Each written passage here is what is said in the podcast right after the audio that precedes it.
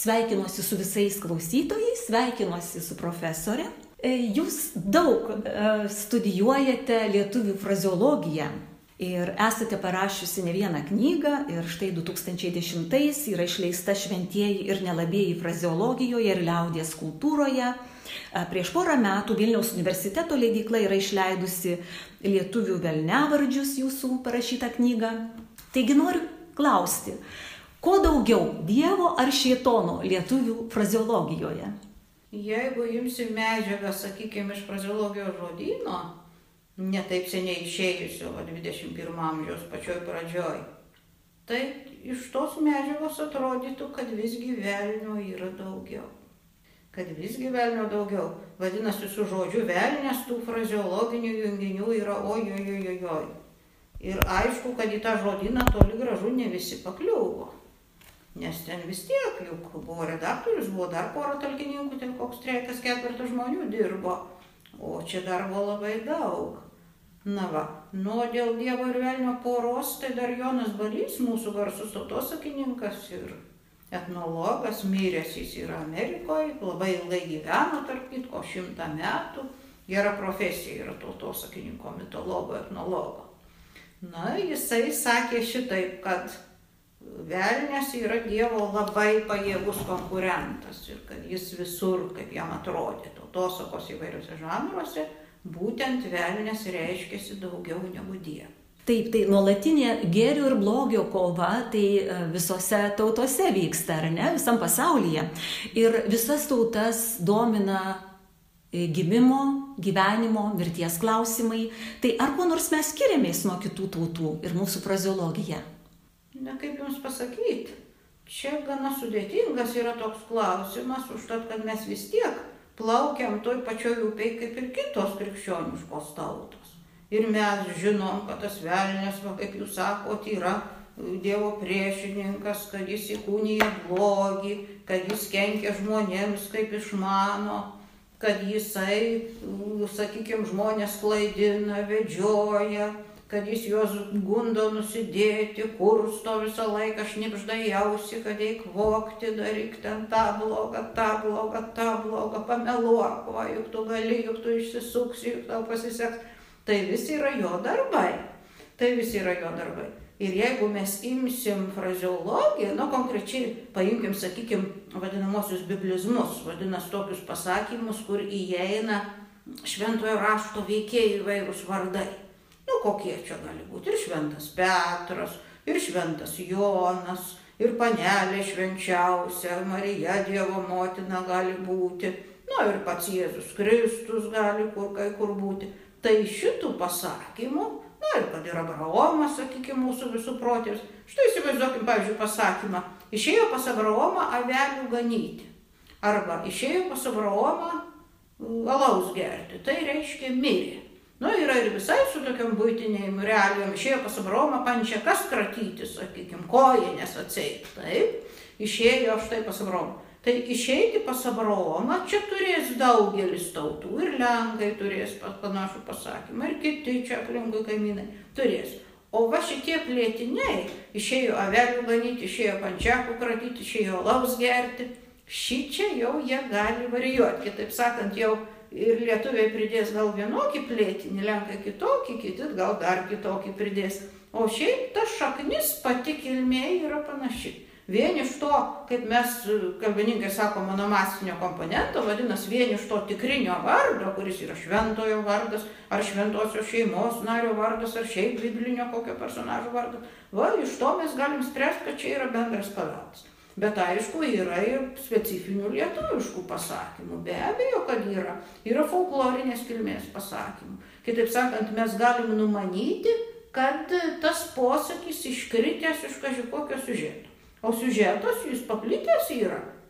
Juk neužriši tos pasakos ten sakmės kokios nors, ar ne? Na, pavyzdžiui, aš jums papasakosiu tokį labai trumpai. Yra toks pasakymas užrašytas Žemaitijoje apie mažiekius, apie tirkšlius ir kiša kaip velnės čia veryk. Jeigu jūs paklausit žmonių, močiučių ten kokių, ką tas reiškia čia verykas, ne viens nežino. Čia verykas yra žodis, kuris reiškia apavas tam tikras, taip. nu koks nors imkim dainelę, baravykas pulkaunykas siuvo pačiai čeverikus, čeverikai nauji užkulnėliai keuriai, yra tokia dainuškėlė apie grybus. Tai žodis yra baltarusių kilmės, baltarusybė, štai parėjęs į lietuvių kalbą, bet žemaičių tarmė nėra šito žodžio, iš viso nėra. O toks pasakymas yra kiša kaip velnis čeverika. Ką tas rodo? Tas rodo, kad pasakymas toli nukeliauja nuo savo atsiradimo vietos. Dabar iš kur atsirado pasakymas? Įsivaizduokit dabar jauną porą, kuri, nu, jie jauni susitokė, labai myli vienas kitą, labai sugyvena gražiai.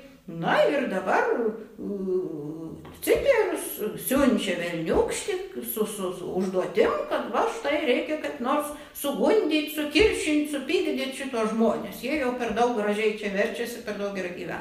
Na ir jis stengiasi trejus metus tas velniukštis, bet jiem nieko neišėjo. Na ir jis eina verkdamas. Jis jau nuo savo viršininko mušti gavo, o velnių viršininkas labai piktas ir į sienas daužo ir uodegas nutrauklioja tiem velniukščiam ir ragus numuša ir ką tik nori. Bjauraus būdo licipirius yra čia, jau labai daug kur pasakose yra šitas reikalas. Nu ir eina jis dabar, eidamas sutinka seną bobą, kuri eina ubagais. Nu ir ten labai įdomus toks sakinys. Tai ką gentie, ko tu toks nusiminęs, giminaitį, ko toks nusiminęs, atseit jau velnės tos piktos bobos giminaitį. Nu taip ir taip. Sako, o ką tu man duosi, jeigu aš per tris dienas juos sukiršinsiu šituos vyrą ir pačią. Oi, tau duosiu, ką tik nori. Ir jie susidera, kad jisai padovanos batus, o batai buvo vertybė, kadaise žmonės taigi pasipokaimus vaikščiojo batai, oi, prie bažnyčios tik batais apsiaudavo žmogus. Na ir susitarė. Ką dabar šitą bobą pasikaišiusi Joną nubėga pas tą jau moteriškę jauną, oi širdytė, kaip jūs gražiai gyvenat, kaip du balandėliai, bet aš padarysiu, kad dar gražiau gyventumėt. Tu žinok, sako, tavo vyro galvoje yra vienas žilas plaukas. Ir šią naktį 12 val. tu turi tą plauką nupjauti. Bet tik jau iš anksto pasidėk skustuvą jau po, po pagalbę ir kai jau stos ta 12, jau tą plauką nupjau. Ta padėkojo, ta jau Boba apdovanojo ir pamaitino visą kitą. Boba nubėgo, o tas vyras arė kažkur lau, laukia. Nubėgo į tą lauką, vėlgi tekinom. Oi, sako, tu manai, kad tavo pati tau gerai ir ištikima. Nieko, sako, tu nežinai, seniai jau turi kavalierių. Ir šiandien, žinok, jau su to kavalierium susitarė tave papjauti. Ir vad žinok, kad 12 val. jau jį turės po pagalbę skustuvą ir jeigu tu užmigsi, tai jau tau bus galas tikrai. Nu, tas irgi padėkavojo jau tai moteriškiai, kad jau čia jį išgelbėjo visą kitą. Nu ir guli dabar lovai naktį, būdu nemiega, laukia jau tos 12 valandos. Ir kaip tik ta 12 stojo, to šitą tą skustuvą įsitraukė, tas šoka iš lovos, tą savo pačią už plaukų ir pradėjo mušti, pasikėlė baisus triukšmas ir myderis, subėgo visi kaimynai ir nuo to baigėsi jų santarvė ir gražus sugyvenimas. Nu ir dabar velnės grįžo į pragarą ir savo viršininko pagirtas buvo. Dabar reikia atlyginimo šitai moteriai. Taip. Ir jis pamovė ant ilgiausios šatros šakalio tuos batus ir kišo taip iš tolo. Tas sako, tai dėl ko tu dabar kiši man taip iš tolo? Oi, tu sako, jau aš labai bjaurus, o tu dar už mane šimtą kartų bjauresnė. Aš tavęs labai bijau. Ir štai iš čia, štai šitas pasakymas. Ir kiša kaip velnis čia veryk. Taip.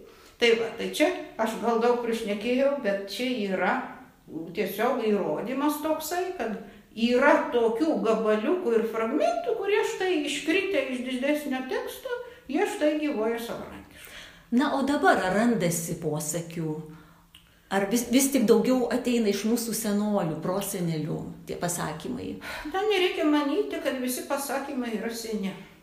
Visų pirma, gyvoja, kaip čia pasakius, amžinai jaunas, gražus ir sveikas ir, ir, ir nemirtingas žargonas. Taip žargonas yra netyrinėtas lietuvių. Čia mes vis turėjom tokią, na, nuostatą ir kalbininkai, kad reikia tą žargoną kaip nors pribaigti, kaip nors visus išmokyti, ištaisyti klaidas, visą kitą, visą kitą. Nei mes pribaigsim, nei mes ką, jis, sakau, yra nemirtingas, amžinai jaunas ir besikeičiantis. Taip pat žargoninių pasakymų ir taip pat įdomių ir ir komiškų, ir kokių tik nori, čia visi klausytojai pasakys, ir jie žinos, ir vaikai mažiukai žinos, ir žodžių atskirų, ir fraziologinių junginių bus visokiausių.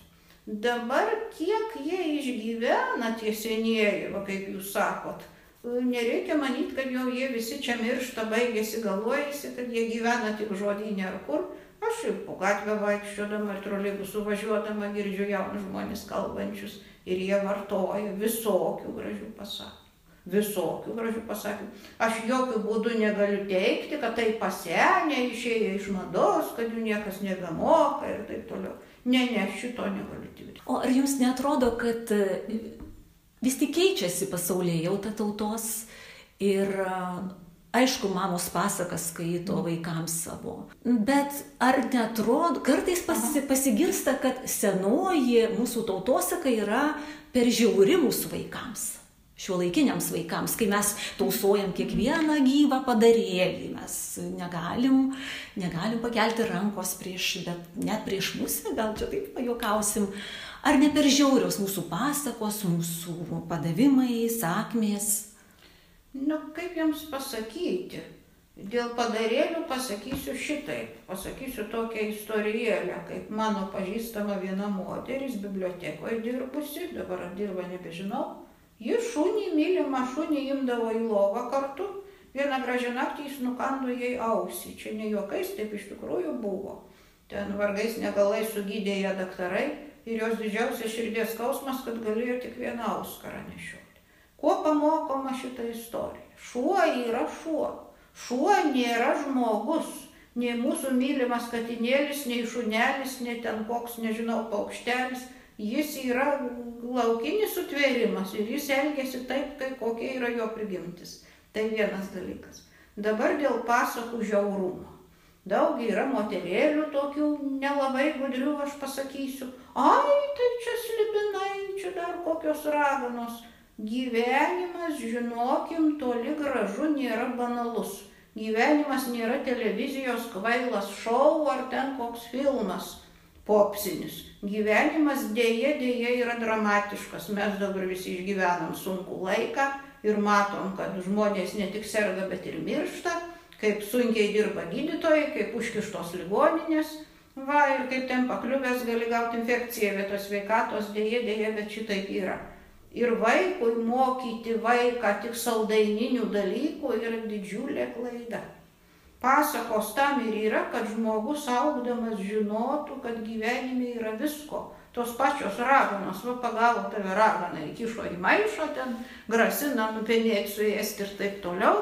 Va, kad gyvenime egzistuoja pavojų, kad reikia būti apsukriam, kad reikia žinoti, kad blogis egzistuoja, kad reikia išmokti su juo elgtis. Galų galę su ta pačia gamta reikia mokėti elgtis. Labai gerai atsimenu, galėjau turėti nu septynerius metus kokius, išėjom į pamiškę, tokios uogos didelės, juodos, panašios kaip mėlynės, aš buvau bevalganti, kaip šoko mano pusbrolis, dar mažesnis už mane. Ir kad tik nevalgyk, tik nevalgyk, numirsi. O ten buvo vilkogės, yra uogos, vienas nuodingiausių Lietuvos augalų, mažam vaikui užtenka dešimt uogyčių ir amžinatilsi, taip sakant. Nu, suaugusiam gal ten jau taip nebūtų, tik jau labai bloga būtų. Tai va, ir jeigu vaikas nežino, o ir dabar, va, miškė nueik konvalį uogos, įsirpia gražios, mamytė, sakykime, ta, kur nemėgsta baisių pasakų, vaikščio su vaikučiu Pirmas darbas yra parodyti su pirštu. Va šitų šiukštų neliesti jau nekišti į burną. Žinoma, nuo šitų nemirsim nuo konvalijos uogų ir visas augalas nuodingas. Ta gražioji pakalnutė su puikiais žiedeliais, kuri vadinama, tarp kitko, angelo skambučiais kai kur Lietuvoje. Dėja, dėja yra nuodinga. Ir ji toli gražu netokia efemeriška, netokia pasakiška, netokia banali, kaip mums gali atrodyti. Tai va šitas gyvenimo pusė egzistuoja, patinka mums ar ne, bet ji yra. Ir pasakos yra tam, dar kartą kartoju, kad vaikas neauktų kvailas. Tam yra pasakos. Profesorė, koks, koks posakis jums pats gražiausias? Ar jūs galėtumėte išrinkti vieną, išskirti? Ką, žiūrėk, kad aš to gražiausio gal nesurinkus. Yra labai tokių, kur aš moku nuo vaikystės į senelį, sakykime, yra koks nors, kad jau labai perpikusi, sakydavo, eiktų į peklą velniam sautų skalbti. Nu, čia ne visi gal klausytojai žino, kas yra autai. Kas tarnavo rusų kariuomeniai tarybiniai, tas žino, kad autas tai yra medžiagos skyvytas, toks kaip rankšluos į saugumo platumą ir kad kareiviai nei viens kojinių neturėjo, turėjo šitais autais apsivinioti kojas, įkišti batus aulinius ir jeigu tu blogai koją apviniojai, tai šitą koją graužė batas ir kojos buvo krūvinos. Ir vienas iš kareivio privalumų buvo mokėti štai gražiai tvarkingai apsivinioti. Nu žinoma, toks daiktas yra purvinas, prakaitų pradvisęs, dabar įsivaizduokit, velniai peklai smalą maišo, kokis jų švarumas yra, ar ne? O jau autų apie autus nešnekėti nėra ko. Tai va jeigu tu po mirties, jeigu štai būsi nedoras, va po mirties gausi tokią tarnybą vėliams autus skalbti. O aš jūsų knygoje, ankstesnėje, apie, apie šventuosius ir nelabuosius, radau iš Vilkaviškio užrašytą tokį velnio vakarienę užvirti, tai reiškia sukelti sumaištį, chaosą. Tai va, tai mes ir pakalbėjom turbūt e, tuo laiku, tuo laikotarpiu, šiuo laikotarpiu, kada tikrai pasaulis išgyvena gal tam tikrą velnevą, ar ne? Daug, daug tos sumaišties, daug ir, ir baimių galbūt yra. Tai tiesiog aš labai labai noriu palinkėti jums gyventi kaip Dievo užantį, būti sveikai. Ačiū, ačiū. Taip, ir visiems klausytojams taip pat. E, dėkoju už už klausimąsi ir taip pat noriu palinkėti, kad velnas už apykakliais uodegos neužkištų, čia taip pat radau jūsų knygoje. Tai būkime sveiki ir būkime laimingi.